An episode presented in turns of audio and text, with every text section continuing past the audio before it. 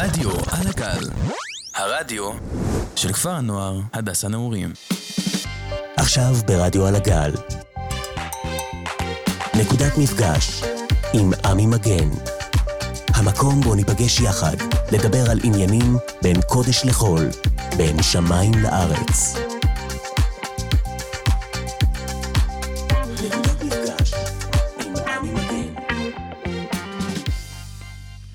ערב, ערב טוב לכולם. האמת זה מוזר, חשבתי על זה בתקופה האחרונה, כל פעם ששואלים אותי מה שלומך. שאתה רוצה להגיד למישהו בוקר טוב או ערב טוב. והכל מקבל משמעות שונה בשבועות האחרונים, בחודשיים וחצי האחרונים. הכל פתאום הופך להיות טוב, טוב יחסי כזה. לא באמת, טוב, טוב. כי ממש ברגעים כאלו שאנחנו יושבים פה ברדיו, במקום החמים, הנעים, בכפר. בכפר הנוער הדס הנעורים שלנו, שתמיד יש לנו בדיחה, ש... ובלי לפתוח פה, שהחמאס לא מכיר את הפוליגון של הדס הנעורים. אנחנו תמיד צריכים לזכור שממש, ממש, ממש ברגעים אלו יש לוחמים ויש לוחמות שנמצאים ונמצאות שם בשטח. ויש משפחות שכולות, ויש חטופים וחטופות. וכל עניין הטוב הזה הפך להיות פתאום טוב יחסי. והנה אנחנו כאן ברדיו, אחרי מספר רב של שבועות, שלא שיד... אני באופן אישי לא שידרתי, תכף נדבר על זה, תקופת המילואים. חוזר לתוכנית שונה, מיוחדת, שאוספים את הכל ביחד, וננסה לדבר בה קצת על מה קורה איתנו. לפני שנתחיל, אני רוצה להגיד תודה לדביר ביירך, שנמצא פה על ההפקה מאחורי החלון הקטנטן. טל בן סירה, מנהלת הרדיו. והיום יש לי פה אה, שותף להגשה, לתוכנית, חבר טוב, שלומי, ערב טוב. ערב טוב, עמי. שלומי, אני יודע שהפלתי עליך קצת את, ה... את הרדיו, אבל כשחשבתי איך אני חוזר לשדר, ששידרתי הרבה, כן, זה כבר תוכנית רביעית, ואיך אני חוזר לשדר, אה, אחרי השביעי באוקטובר, אמרתי, אני צריך לשבת באולפן עם מישהו שאני גם מרגיש איתו נוח מאוד, וגם קצת אולי יצליח להיכנס לי לראש ויבין על מה אני רוצה לדבר. ובכלל, לדעת לנהל את השיח הזה ביחד. נראה לך שנהיה מסוגלים לעשות את זה? זאת משימה בתקופה הזאת. אה, ואני יכול להגיד, קודם כל, המילים שלך בפתיחה הן אה, חזקות והן כל כך נכונות אה, בימים האלו. קשה, קשה להסביר את ההרגשה ואת המקום שאנחנו נמצאים. אני יכול להגיד שמבחינתי, גם בטח מבחינתך, חלק מהתוכנית הזאת שנרקמה ברדיו, נבעה מנסיעה משותפת שהייתה לנו. נכון. שככה, התקופה הזאת מזמנת איתה, אין מה לעשות, הרבה שיחות, שיחות פילוסופיות על המצב, יותר פילוסופיות, פחות פילוסופיות, אבל באמת יש כל כך הרבה מה לחשוב ולהגיד, והמצב כל כך כל כך אה, מורכב, ובעצם משם אצלי גם אה, ככה נפלה התובנה, ההסכמה לבוא, לדבר. יש הרבה מה להגיד. מעניין מה, מה נצליח לזקק היום בשעה הזאת. טוב, נשתדל, אה, אבל לפני שאנחנו צוללים פנימה, אני כן אה, ארצה שתספר קצת על עצמך, שידעו קצת מה הרקע שלך, כי אני מכיר אותך טוב, אבל המאזינים שלנו פחות, פחות מכירים. אבל לפני שאתה נכנס וצולל פנימה לזה, אני רק אספר שבתוכנית הקודמת, אה, אחרי התוכנית הקודמות, כן, בתוכנית הקודמת אירחתי פה את יקיר אלעזרי, שהוא בוגר שלי מהפנימייה הצבאית, שמאז כבר הספיק להיכנס ללחימה, להיות במילואים 60 יום, לצאת מעזה, לאבד חבר סמ"פ שלו, כי הוא בתפקיד של מ"פ במילואים. אז את השידור הזה ואת התוכנית הזאת, יקיר, אני גם מקדיש לך ולחברים שלך ולפלוגה שלך. דיברנו על קצת על מה שעברתם ב, בימים האלה ועל מה שאולי גם תעברו בהמשך. ואני רוצה גם, אה, גם לאחי, שכרגע נמצא בלחימה, כבר 70 יום אה, במילואים, בשבועיים האחרונים, עמוק בלב עזה, אה, אחי שצעיר ממני בשנה וחצי, ואני מאוד אוהב אותו. שלומי, אז תספר קצת על עצמך. אז קודם כל אצטרף ואגיד אה, שגם בשמי בטח השיח המלחמתי והמצב ילווה ככה, ירחף מעל כל השיחה שלנו בשעה הזאתי. אבל כן, ננוע בין המקום הזה של האקטואליה לבין מדי פעם אולי קצת לצאת מעבר, אז, אז אם רגע יוצאים מעבר, קצת עליי, אני... א', אנחנו מכירים כבר לא מעט שנים, אני בן 40, במקור מחיפה. אה, הרבה שנים באזור העמק, הגעתי אי שם בגילאי ה-20 המוקדמים ל... למכמורת, ללימודי מדעי הים במכללה, ומאז בעצם אה, נשארתי.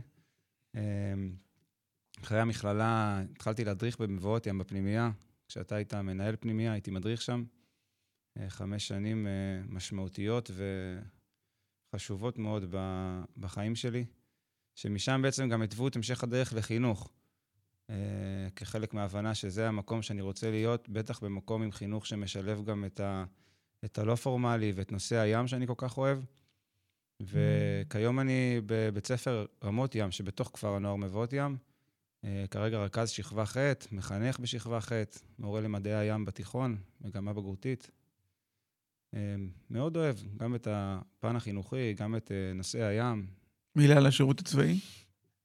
אה, שירתתי בצנחנים, בעורב, אה, שלוש שנים, ואחר כך אה, מילואים עם, עם הצוות שלי. עד ממש לא מזמן, אולי ניגע בזה קצת גם על התחושות האלו של לראות את הדברים האלו מהצד. מהצד, כן. דיברנו על זה גם ברכב, נכון. בנסיעה. בעצם לקראת הקורונה, ככה שכבר זו הייתה תקופה של פחות מילואים, אז אה, בעצם שוחררנו. ו... ועכשיו אני לא חלק מהמערך, לטוב ולרע. לטוב ולרע. אנחנו, אנחנו ניגע גם בזה, גם בתחושות הגבריות האלה, שאולי מקננות בנו, ומה מה היינו רוצים, או מה המחשבות. ואנחנו גם נדבר קצת על התפקיד שלנו, אולי כאנשי חינוך בתוך התקופה הזאת, אבל לפני זה, איפה אנחנו אחרי ה-7 באוקטובר? צריך לחשוב על השאלה הזאת. זו שאלה מורכבת. נראה לי בכלל המון שאלות היום יהיו מורכבות ולא עליהן תשובות חד משמעיות. אמ, אני אומר שזה מורכב כי נגעת בזה בפתיח גם קצת. כאילו, אנחנו במצב של, אה, אני מרגיש מאוד, אה, גם וגם, מאוד ניגודיות. אה, מצד אחד הכל נעצר.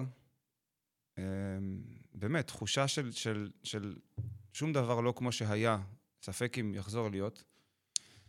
אה, ומצד שני, אתה יודע, איפשהו גם אנחנו כן, לפחות פה בעמק בטח, קצת חוזרים לשגרה, מנסים לייצר שגרה, אמ, כשעדיין העננה הזאת, או התחושה הזאת בבטן של, של משהו יותר גדול אה, קורה, או מין איזו תקיעות כזאת, אה, אותי מלווה כל הזמן. אמ, זה המון גם וגם. אני יכול להגיד לך המון רגעים עצובים ביום-יום, כל ערב למשל, מול החדשות, אתה יכול למצוא את עצמך מזיל דמעות. אה, אל מול זה, אני אגיד, אל מול, אני אומר את זה בצער, או בזה אפילו קצת אפתיות כבר ל... להותר לפרסום פתאום. להותר לפרסום. קם בבוקר, ישר פותח לראות, ואפילו איפשהו מרגיש איזו הקלה, שזה לא מישהו שאתה מכיר. מכיר. וממשיך הלאה את היום שלך, שוב, עם כאב. אבל אצ- אני אומר, אז זה, זה כל כך מורכב, זה כל כך גם וגם בתקופה הזאת, שקשה לי להגיד איפה אה, אנחנו. אתה, אתה, אתה נוגע בדברים שאני חושב שאנחנו קצת מפחדים לגעת בהם, או חוששים אפילו מלדבר אותם. הסכנה שאנחנו מודעים לה, שהמצב הזה יהפוך להיות למצב שגרתי אה, ואפאתי, אה, ושנקודת הפתיחה הייתה נקודת פתיחה כמו שהייתה, אז כל דבר נראה טוב. עוד. כן. אבל זה עוד משפחה, וזה עוד חברים, וזה עוד בחור צעיר, וזה עוד בחורה צעירה. אני, צמד המילים הזה הותר לפרסום, מאוד מאוד אה, אה, קשה. מאוד.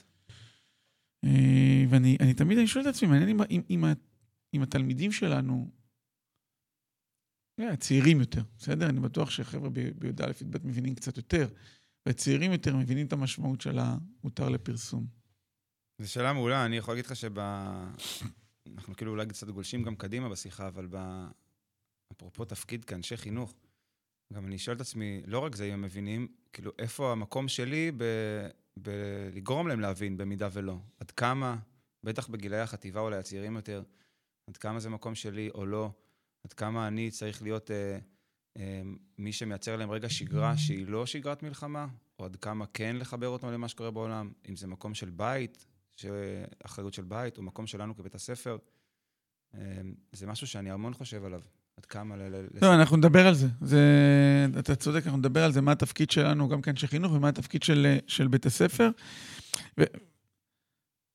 ואנחנו צריכים גם לזכור שגם ממש עכשיו, שאנחנו מדברים, ואתה דיברת שאנחנו בעמק די חוזרים לשגרה, ובאמת בכפר הנוער שלנו לפחות, וגם אצלך, בערך שבועיים, שלושה כבר חבר'ה התחילו ללמוד, עדיין, נכון לנקודת הזמן הזאת, שאנחנו שלושה חודשים עוד מעט, נכון? אוקטובר, נובמבר, כבר חודשיים פלוס לצורך העניין, יש חבר'ה שעדיין לא חזרו לבתי הספר שלהם. יש חבר'ה, קרוב ל-200 אלף איש מפונים מהבתים שלהם. ויש מחסור של עובדים בחקלאות, ו- וכמעט ב- בכל מקום, אני לא מדבר על ענף הבנייה בכלל, ש- שהכול נעצר. ומה זה עושה לנו בכלל עם, ה- עם, עם, עם, עם, ה- עם המגזר הערבי, עם שכנים או לא שכנים. ונזכרתי ב- בקטע מספר, של יורם קניוק, הוא ספר אה, שנקרא תש"ח, כתב על מלחמת אה, יום העצמאות.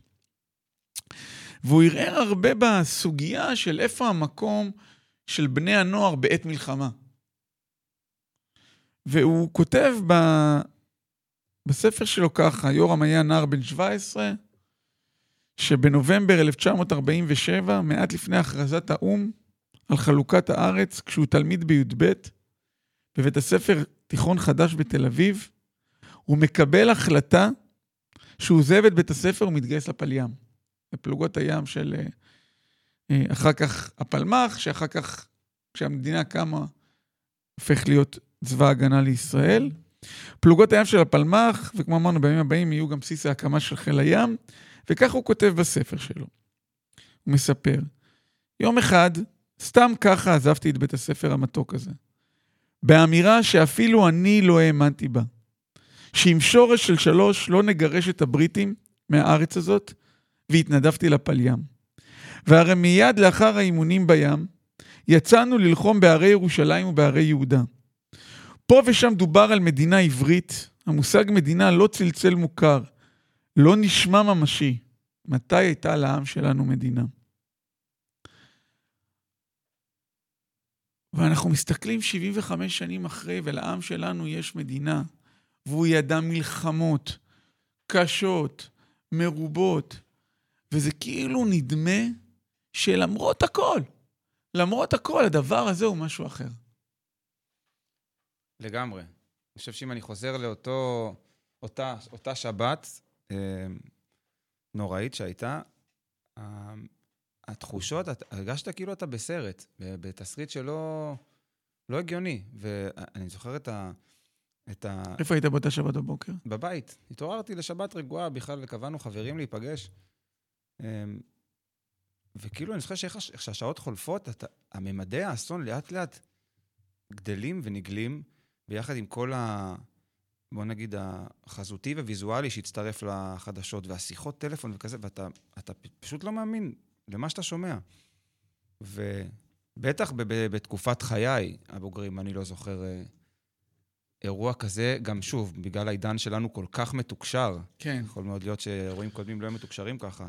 עידן שכל פריים וכל תמונה וכל הקלטה ישר רצים, רשתות כמו...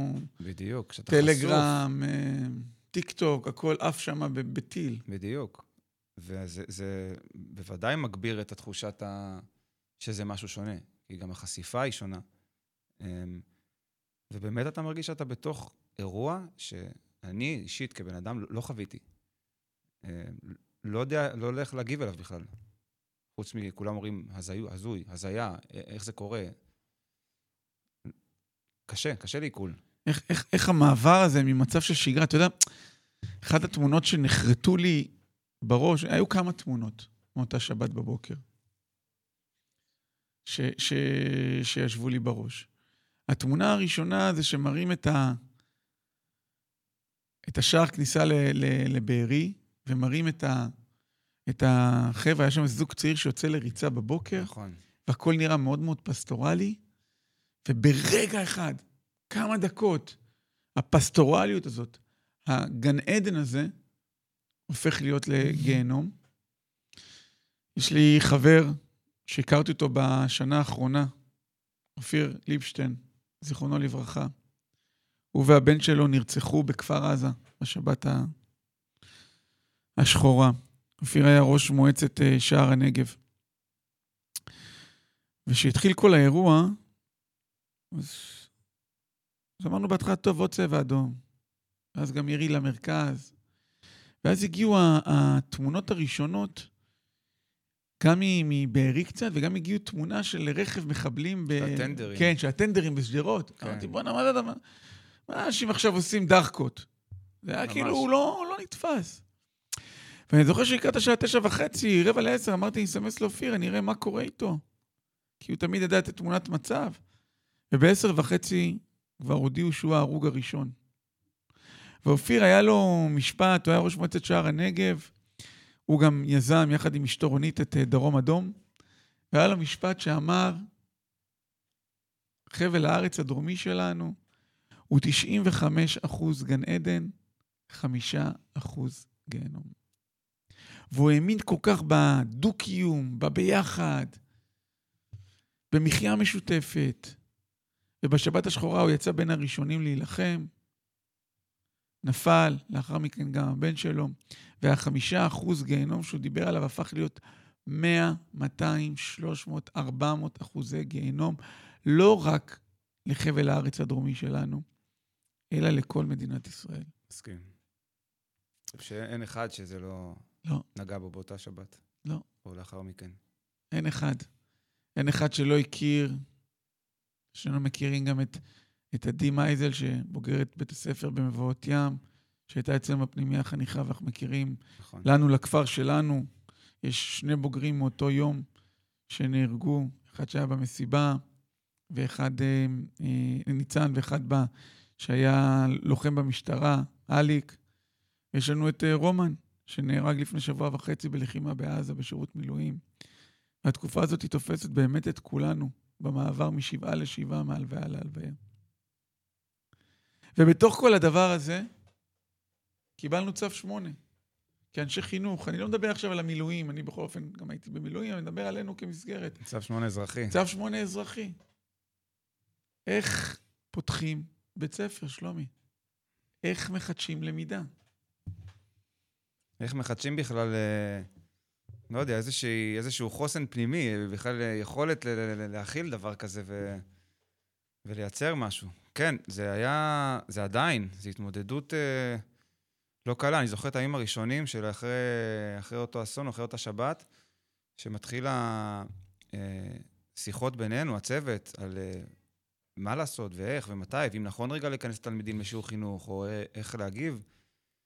והפער הזה בין הרגע החוויה האישית שאתה חווה כבן אדם מול כל האירועים, לבין רגע המקום המקצועי, בוא נקרא לזה, או הצורך המקצועי, הוא, הוא פער גדול. אה, לאסוף את עצמך רגע ולייצר פה איזושהי שגרה מחדש, אה, בהחלט מהלך, מהלך מאתגר. אבל אה, אם אני ככה... לא, אה, רגע, תכניס אותי רגע לקושי בלעזוב את עצמך. תכניס אותי רגע ל- למה עובר בראש. איך אני נכנס לכיתה עכשיו ומלמד, איך אני מתמודד עם השאלות, איך בכלל אני מביא את עצמי לקום מהמיטה, כי כולנו התמודדנו עם הדברים האלה. אמ, כן, גם מה שאתה אומר, ואפילו עוד, אה, עוד הרבה לפני זה. זה לא רק אה, איך אני נכנס לכיתה, זה בכלל ה- ה- ה- להביא את עצמך למקום הזה של... של אה, עכשיו, יכ- יכולת שלך בכלל כרגע באמת לדבר או לייצר שיח, או, או, או לחשוב, הרי מן הסתם מפגש מול תלמידים או חניכים, אני ככה בא יותר מוכן, או ככה יותר אסוף. אה, אז אני אומר, זה היו ימים שאני זוכר ממש ש... החשיבה בכלל, היא לא הייתה לכיוון של עכשיו... זאת אומרת, אתה מרגיש שאתה לא שמה. אתה בתוך האירועים, בתוך הטראומה, בתוך ה... ה- ה- אתה יודע, נאחזים גם בחדשות, בלדעת מה קורה, וה... ופתאום המחשבה, אני רגע אשים את זה בצורה מאוד אה, אה, יבשה, אבל עבודה היא, היא, היא קשה. וזה אולי המזל שלנו שזה לא באמת עבודה, כאילו זה הרבה יותר מעבודה. והיא באמת מורכבת מכל כך הרבה אינטראקציות בין אישיות שבסוף גם מייצרות לך או לנו איזשהו, איזשהו אוורור ואיזושהי גם... עברור, ואני חושב כאילו באיזשהו מקום גם מחייב אותנו לדעת לאסוף את הכוחות. נכון, כי- מחייב, נכון, מחייב אותך. אתה צריך לאסוף את עצמך. אתה יודע, יצא לנו לדבר על זה גם ב, ב, בנסיעה ברכב. אני רק אגיד שהנסיעה ברכב הייתה שירדנו ביחד במהלך שבוע שעבר לאזור המלונות בים המלח, הקימו שם, רוני דויק הקים שם מרכז חוסן אה. חוסן ילדינו אה, לקהילות מפונות, ויש לך חבר, חבר, אה, שאני גם שמחתי להכיר, שמח להכיר אותו כבר זמן.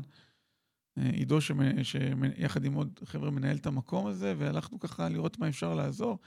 היה לנו הרבה זמן נסיעה ביחד, ו- ודיברנו קצת על המשברים ש... שהחברה שלנו, שהמדינה שלנו, שאנחנו עוברים מאז השביעי באוקטובר, מאז השבת השחורה. זה שהדברים לא חוזרים להיות אותו דבר. ואני ניסיתי להגדיר את המשבר. והגעתי לתובנה שבעצם כמעט כל אחד מאיתנו מתמודד עם שלושה משברים. המשבר הראשון הוא המשבר האנושי. איבדנו חברים, איבדנו אנשים, מעל 1,300 הרוגים. אין כמעט משפחה שזה לא נגע בה בצורה כזאת או אחרת. יש פה כאב, יש פה אובדן, יש פה אבל שאנחנו צריכים לעבור. בכלל כבן אדם לראות את זה, לראות את זה, נכון? גם אם אתה לא מכיר אישית, זה... נכון, נכון, נכון. זה, זה אובדן גדול. אובדן גדול, כמויות, כמויות של אנשים, צעירים, מבוגרים, ילדים, משפחות, שפשוט נעלמו. נעלמו. ולצד המשבר האנושי הזה, גם כולנו נכנסנו מ-7 באוקטובר למשבר לאומי.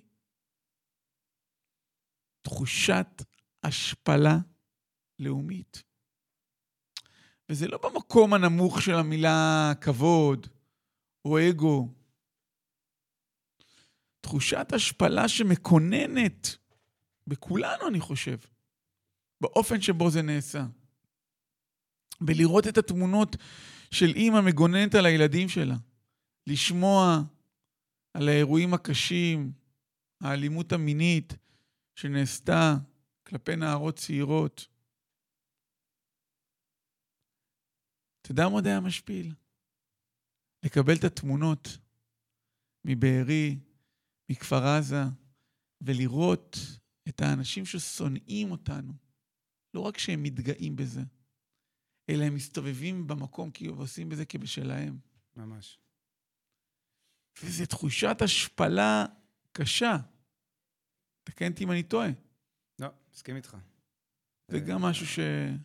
לראות איך המקומות נראים אחרי שהם הסתובבו שם, את ה... בוא נגיד את הזמן והפניות שהייתה להם בשביל, אה, בוא נגיד, להרוס עד הסוף. להרוס עד הסוף. את הגורם האנושי ואת הגורם הסביבתי ואת הכל. ועם השאלה שאיפה הייתה מדינת ישראל, איפה היה הצבא שלנו, ואולי אפילו איפה אנחנו היינו. זו גם שאלה. והמשבר השלישי, אני חושב שהוא משבר לא פחות קשה, והוא משבר אידיאולוגי. והוא תופס כל אחד במקום אחר. אני שמעתי לא מעט רעיונות של אנשים מתוך היישובים האלו, שלא רק מתו להם משפחה וחברים, ולא רק שהם מתמודדים עם משבר של השפלה, אלא מתמודדים עם משבר של אידיאולוגיה, דברים שהם גדלו עליהם מגיל קטן. דרך אגב, המשבר האידיאולוגי מכל הצדדים, גם מהחלק הימני של המפה, שהנה, שלטון הימין זה משהו שהוא חזק, הכל יכול, יכול לפתור את הכל, יש פה מישהו שייתן מענה לכל דבר. והוא משבר אידיאולוגי גם בצד השמאלי של המפה. וחשבתי על זה שההבדלים בין שלושת המשברים, שהמשבר הראשון, המשבר האנושי, והמשבר הלאומי, תחושת ההשפלה, זה שני משברים שאנחנו מתמודדים, איתנו, מתמודדים איתם קולקטיבית כעם. אין ימין או שמאל, אין דתיים וחילונים, אין אה, אה, ימניים ושמאלני, ושמאלנים, אין ספרדים ואשכנזים. אין. בטנק נמצאים כולם, בנגמ"ש נמצאים כולם, בשורות, בשניים לפנים נמצאים כולם. בחמ"ל האזרחי נמצאים כולם. כולם נמצאים. אבל המשבר השלישי הוא התמודדות פרטנית. א', כי קשה לנו לדבר אותו, אנחנו אפילו אפילו מתביישים, אנחנו לא רוצים להאמין, כי נשברו לנו כל כך הרבה דברים אחרים. אז גם האידיאולוגיה, ואידיאולוגיה זה רעיון, אידיאולוגיה זה הפשטה, זה תפיסת חיים. אז גם זה נגמר, אז מה נשאר לי? יש לי בעיה בקיום הפיזי, נפגע לנו מסלו מהבסיס, יש לנו בעיה בשייכות, המדינה, ויש לנו בעיה במימוש, באותה אידיאולוגיה שאנחנו רוצים להגיע אליה, והכל מתפרק. וההתמודדות של פורקן האידיאולוגיה, התפרקות האידיאולוגיה, היא התמודדות שאנחנו לא עושים אותו כקולקטיב. להפך. להפך. לפעמים אנחנו אפילו מאשימים אחד את השני. ואני היום חושש מאוד מהנקודה הזאת, שלומי. אני חושב שאנחנו גם ב... בעידן, בתקופה שלא רק שאתה מתמודד עם זה לבד, גם uh, מאוד מפחיד גם לדבר את הדברים האלו היום. עם, עם, עם הקיצוניות שגם בתגובות לדעות כאלו ואחרות. אמ, זאת אומרת, אני חושב שאתה יודע, הימים שלפני זה, שהייתה את ההרגשה לכולם שמשהו יקרה עוד מעט, כי השיח היה כל כך קיצוני, ובוא נגיד, המאבק האידיאולוגי הזה היה כל כך uh, קשה, שאני אומר, אנחנו, אני מרגיש שאנחנו עדיין שם גם ברמת ה... התחושות עדיין. זאת אומרת שגם אם אתה עכשיו, יש לך איזשהו משבר אידיאולוגי, מאוד קשה לדבר אותו גם. כי התגובות אליו והסובלנות לדבר הזה כמעט אפסית. כן. לכל הכיוונים. ואתה ישר מתויג, או, או ישר אתה נכלל כחלק ממשהו מסוים. ואני חושב שזה גם משהו שמאוד מקשה לאנשים בכלל להרהר או לדבר על הדברים האלו. אני, אני ממש מסכים איתך. אני רוצה רגע שנחזור דווקא גם לדברים האישיים, הפרטניים. דיברנו על זה בהתחלה.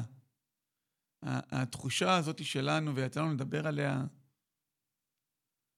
אתה סיימת מילואים לפני שנה-שנתיים, אני סיימתי מילואים כמ"פ חי"ר לפני כבר שלוש-ארבע שנים, את המילואים הנוכחים, 70 עשיתי בפיקוד העורף.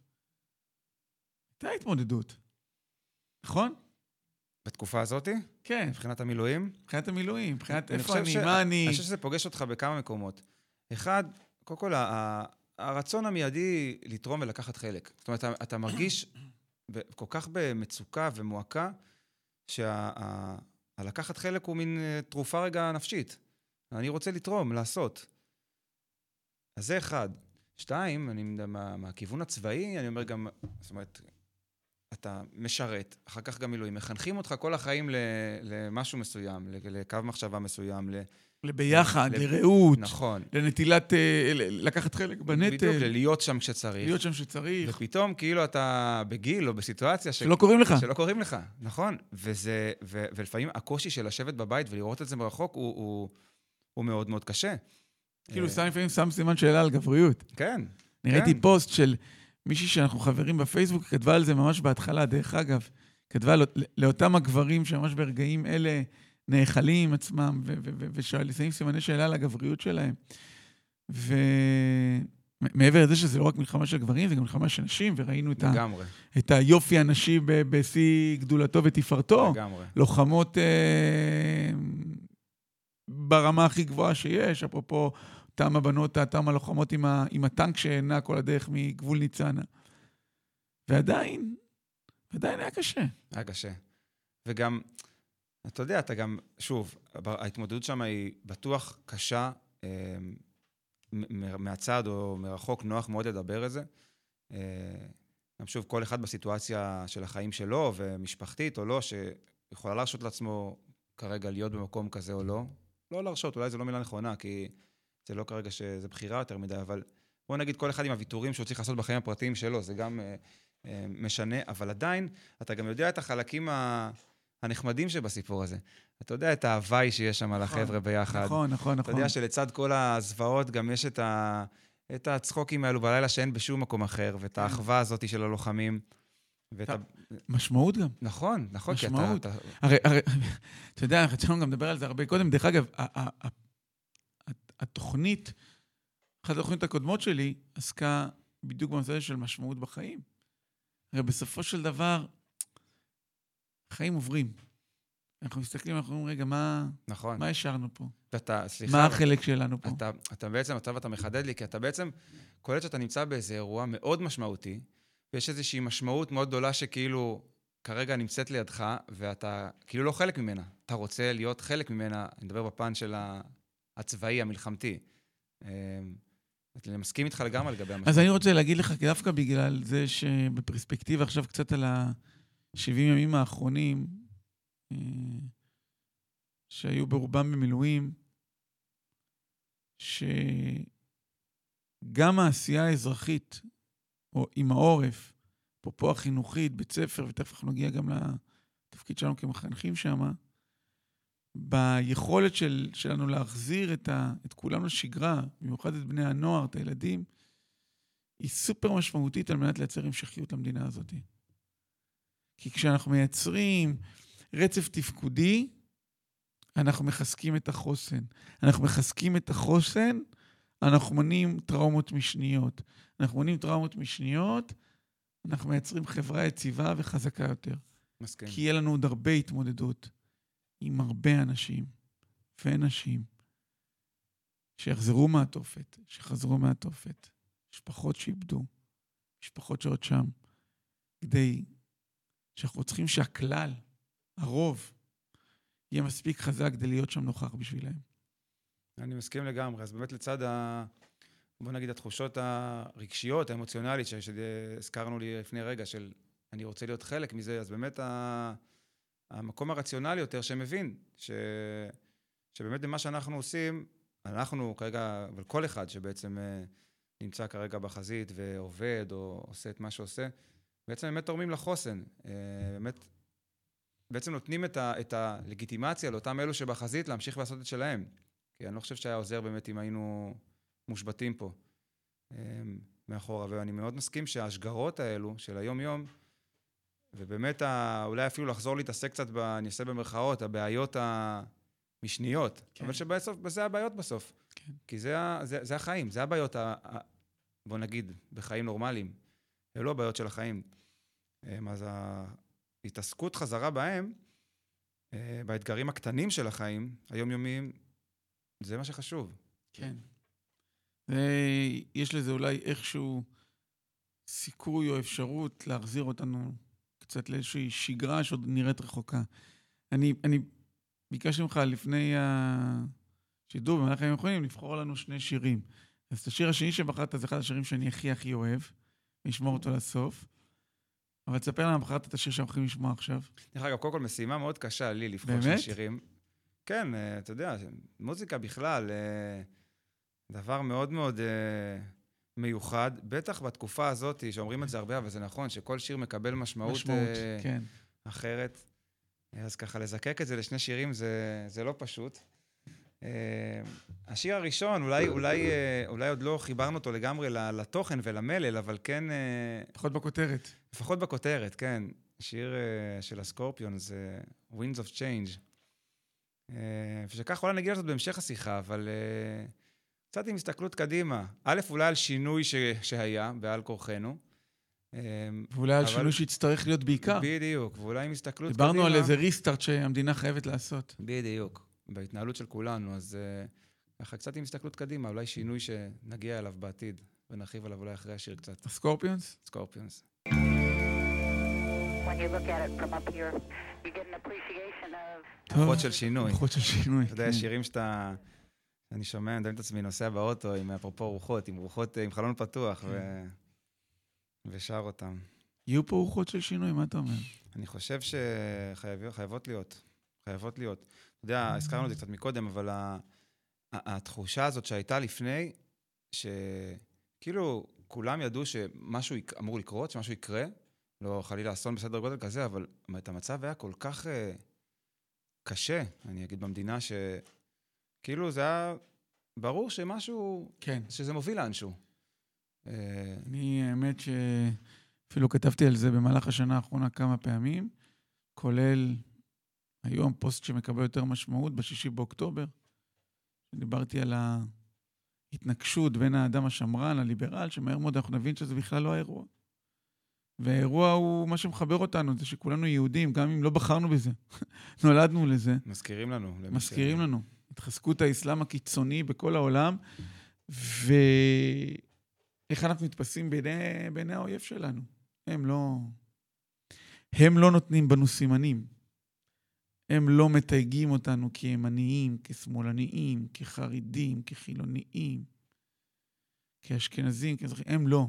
הם לא נותנים בנו סימנים. מה שמוביל לזה שאם אנחנו אה, רוצים להמשיך ולהיות פה, אז שינוי חייב להיות. אה, זה יהיה קשה, אבל אה, אחרי האירוע הזה, אי אפשר להמשיך כמו שהיה. חשבנו את זה, שאנחנו רוצים רגע לדבר על זה, על... בואו נדבר על התפכחות. תהיה פה התפכחות. או שהיא השיחה- תהיה התפתחות אה, נקודתית לתקופת זמן מוגבלת, ואז אנחנו נחזור.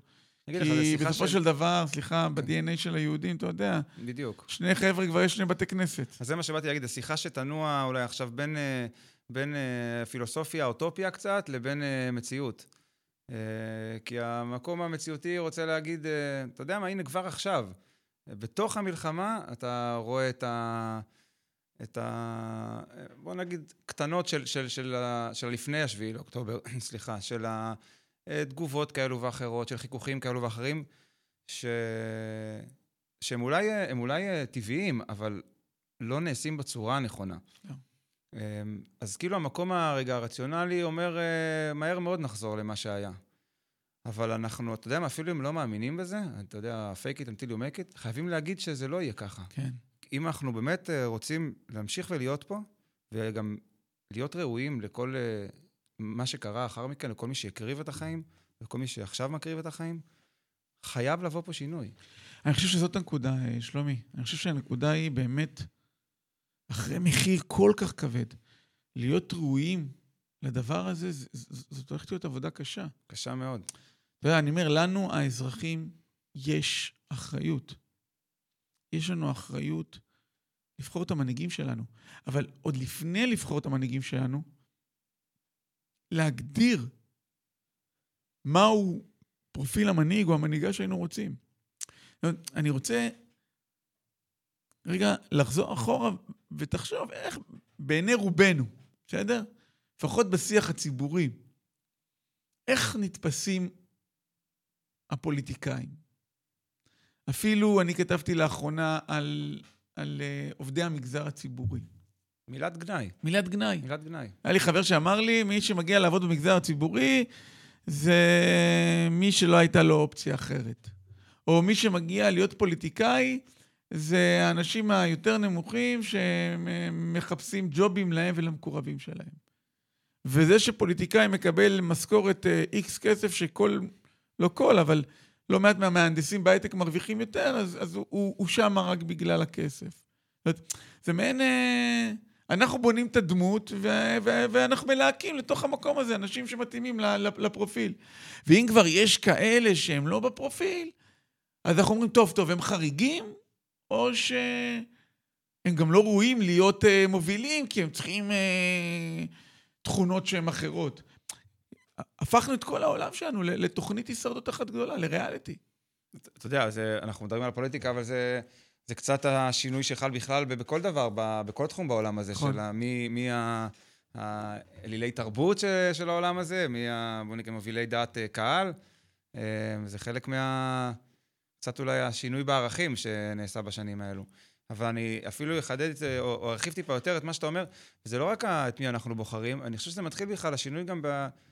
בכל אחד מאיתנו, ב, ב, בהתנהלות שלנו בכלל, באיך אנחנו מגיבים, איך אנחנו, אתה יודע, שופטים אה, אנשים אחרים, איך אנחנו, אה, בוא נגיד, אה, מכניסים אה, למסגרות, סיטואציות מסוימות, אנשים מסוימים, זה... זה מכלילים. מכלילים, בדיוק. האם אנחנו מסוגלים לנהל שיח של קומה אחת מעל, ולא רק סיסמאות או כותרות, להצליח לחיות עם מחלוקות, מחלוקות? אבל ל- ל- לדבר עליהן, להתווכח עליהן בצורה... אתה יודע, אמרתי, סיפרתי אה, שלשום באחת הקבוצות שלקחתי חלק, שזה כמו משפחה, זה כמו זוגיות. בסופו של דבר, אם אתה לא מרחיק או מרחיב את הגבולות האדומים שלך, אתה לא מצליח להחזיק משפחה. ולקום וללכת הכי קל. יש לזה מחירים. לפרק זה קל, יש לזה מחירים. או, אולי זה לא קל, אבל יש, יש לזה מחירים, אבל אפשר לעשות את זה. אני חושב שהדרך היותר מורכבת והיותר נכונה היא לדעת להרחיב את הגבולות גזרה. להגיד מה אני מוכן, על מה אני מוכן לוותר, על מנת לייצר פה סיפור ישראלי משותף. על מנת להבין שגם אם ההוא או ההיא שונים ממני, הם עדיין, יש להם חלק בזה שלילדים שלי יהיה פה מקום. מבחינתי, הפוליטיקאים או המנהיגים הם, הם בסוף אה, איפשהו השתקפות או, או, או הנקודה הסופית של ההתנהלות שלנו. אני אומר, כמו, אנחנו ננוע פה בין, אה, בוא נגיד, בין המרחב הזה למרחב החינוכי. זה אומר, כמו בכיתה לצורך העניין, של התנהגויות כאלו ואחרות, שבסוף לכל התנהגות יש, אה, יש את ה... בוא נגיד את הבונוסים שאותו ילד מקבל ממנה. את הקהל ש... שהוא מרוויח את התשומת לב כן. ממנו. ולצורך העניין, אם כרגע ההתנהגויות שליליות, אה, נכניס אותן תחת כותרת כזאת, מקבלות מהכיתה פידבק חיובי, או מקבוצת השווים, בוא נגיד, אז אתה יודע, זה נותן לך, אה, בוא נגיד, אה, מוטיבציה או, או רצון להמשיך ולקיים אותם, כי ככה אתה מקבל את, ה, את התשומת לב שאתה צריך. אם הקבוצה, לצורך העניין הכיתה, או לא משנה, או קצת החברים, אתה יודע, תסתכל בבוז על התנהגות קצת או אחרת ותגיד כאילו, מה זה? מה, למה אתה מתנהג ככה? אז אז אותו ילד, לא משנה, יפסיק לעשות את זה. רגע, אז אם הכנסת אותנו כבר לכיתה... רגע, אז אני רק אגיד, אז אני חושב שבקצה שם, הפוליטיקאי, בסוף זה השתקפות של מה, מה אנחנו, מה, מה אנחנו. מה, אתה מבין? כי, כי אם בסוף הבוחרים, העם, לא משנה מה, יגיד, השיח הזה לא מקובל עלינו. צורת ההתנהגות הזאת לא, לא, היא לא ש, שלנו, אז בוא נגיד, אותם נבחרי ציבור, לא יהיה להם את ה... ואני גם, גם רוצה להגיד שיש מושג שמלווה אותי מה-7 מה הוא מלווה אותי הרבה זמן, אבל אני חושב כי, כי צריך לתרגל אותו, לתרגל אותו, הוא לא פשוט. אבל מ-7 באוקטובר הוא מקבל משמעות, זה, זה, זה ענווה, זה צניעות. זה לזכור שאנחנו, החיים שלנו, אנחנו לא יכולים לדבר אותם בסימני קריאה. אנחנו לא יכולים. אנחנו לא יכולים, כי גם כשאנחנו יהירים כל כך, אנחנו בטוחים כל כך, אנחנו יודעים כל כך, אנחנו לומדים בדרך הקשה ביותר שיכול לקרות אחרת. אבל רגע, אתה דיברת מקודם על תלמידים, ודיברת על כיתה, ודיברת על קבוצה. אז איפה המקום שלנו כמחנכים בתוך זה? תראה, אז קודם כל נגענו... בעידן הריאליטי. אז אגיד לך ככה, בכלל, אפרופו שאלות מורכבות, אתה יודע, הרבה דברים נכנסים פה אחד בתוך השני. אני חושב שזו תקופה שבכלל, אני רגע ארחיב ואגיד, זאת התחילה מתקופת הקורונה אפילו, שבכלל שאלת ה... אתה יודע, אני אגיד, הרלוונטיות של מערכת החינוך ושל בית ספר, ומה המקום של בית ספר, אני אומר, זה, זאת התחיל מהקורונה באמת, בתקופות ארוכות שהיינו בבית, אז על אחת כמה וכמה במלחמה. אה, אז אני אומר, זה כבר מתחיל משם. וקצת נגעת בזה שאמרת על ה... באמת על השגרות ועל החוסן. אני חושב ש... אז, אז בראש ובראשונה, באופן כללי, המקום שלנו הוא כן להצליח לייצר כרגע אה, קצת שגרות לתלמידים שלנו, גם למורים, להורים ששולחים את הילדים, אה, בשביל לבנות איזשהו חוסן. זה, זה במקרו. בפן החינוכי יותר... כן, איך אנחנו מעודדים מנהיגות אה, ראויה? תשמע, זו שאלה, שאלה חינוכית uh, גדולה. Um, אני חושב ש, ש, שבתוך הכיתה, כמו שאמרתי, ה, ה, ה, להתחיל ולהראות לילדים את, ה, את המשחק הזה, את הסכום הזה של מה אני מרוויח, מה אני מפסיד, ו, ולפעמים את, ה, את הרווחים שיש מהתנהגויות שליליות או מתגובות שליליות, ולנסות להתחיל לצמצם אותם, זאת אומרת, להיעזר אה, בכיתה, בקבוצה, ככוח של למנוע חיובי, ל- ל- לעודד, לייצר, ל- לתמוך. אתה יודע, דיברנו אז בנסיעה קצת על ה... שוב, שיחה קצת, רגע, אני רץ לפילוסופי אוטופי, שבעצם לנו כבני אדם יש לנו את היכולת, אה, או את ה...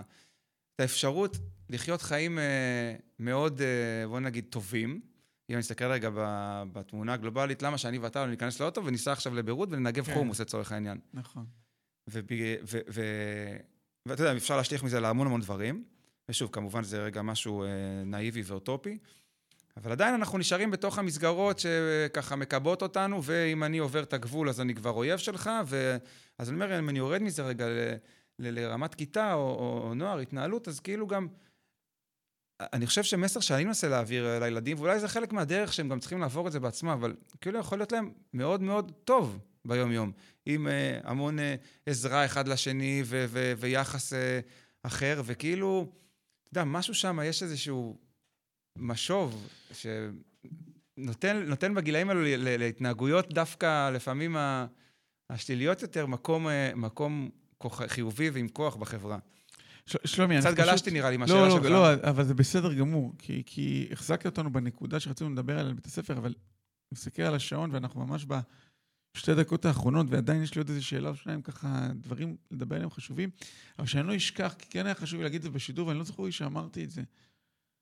אבל אנחנו צריכים לזכור שבסופו של דבר, לא מעט מהחבר'ה שנלחמים עכשיו, ולא מעט מהחבר'ה שהקריבו את החיים שלהם, זה חבר'ה שעד לפני כמה חודשים היו בבית הספר, וקראו להם אה, וקראו להם שטותניקים. דור הזה ודור הזה, ודור הזה כן. ודור הזה, ובסופו נכון. של דבר הם שם. זאת אומרת, סימן שגם, שעבודה כן נעשית. שהעבודה נעשית. לאו דווקא בבית ספר, גם שמערכת החינוך, משפחות, הכל. משפחות, נכון. חברה, וגם מערכת החינוך זאת... אני לא חושב שהכל, הכל בהתרסקות. אני חושב שהרבה פעמים אנחנו, קל לנו לחבוט במדינה, קל לנו לחבוט ב- ב- ב- בחברה, נכון. קל לנו לחבוט במערכת החינוך. להגיד, אה, אין עתיד, אין... כן, אה, אין זה, אבל, אבל בואו, תראו מה קורה פה. נכון. תראו מה קורה פה, זה לא מובן מאליו. אבל אני רוצה רגע שנייה, לפני שאנחנו הולכים לשיר האחרון.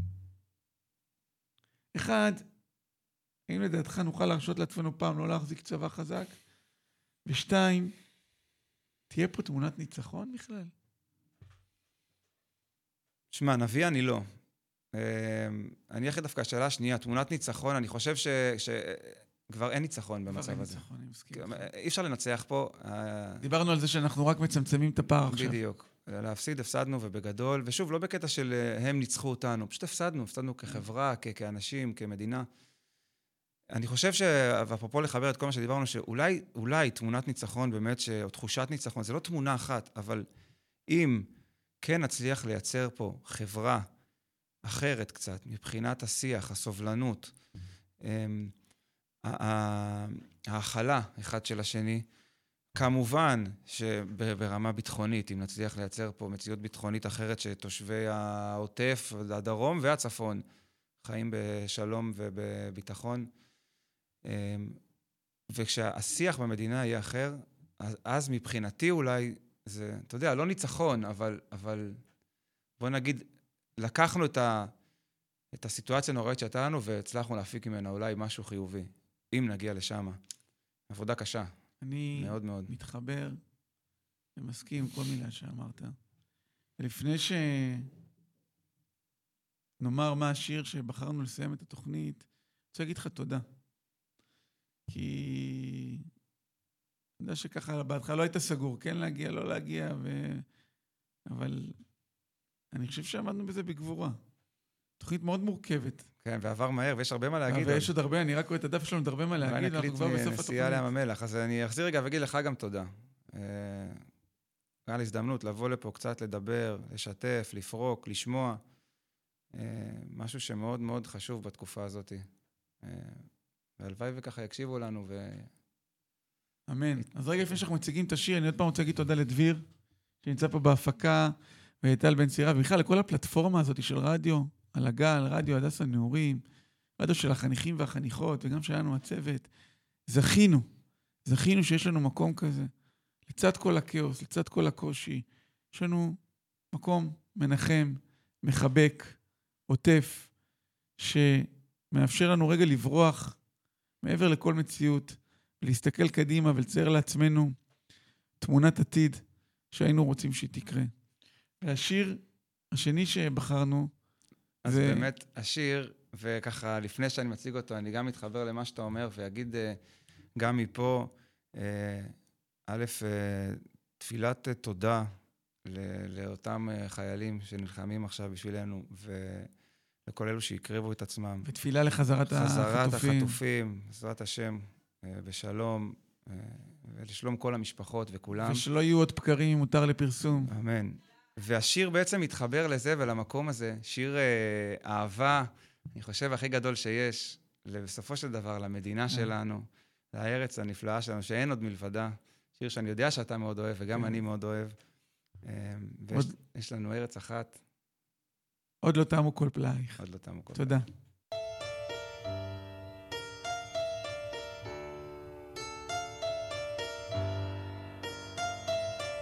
רדיו על הגל, הרדיו של כפר הנוער הדס הנעורים.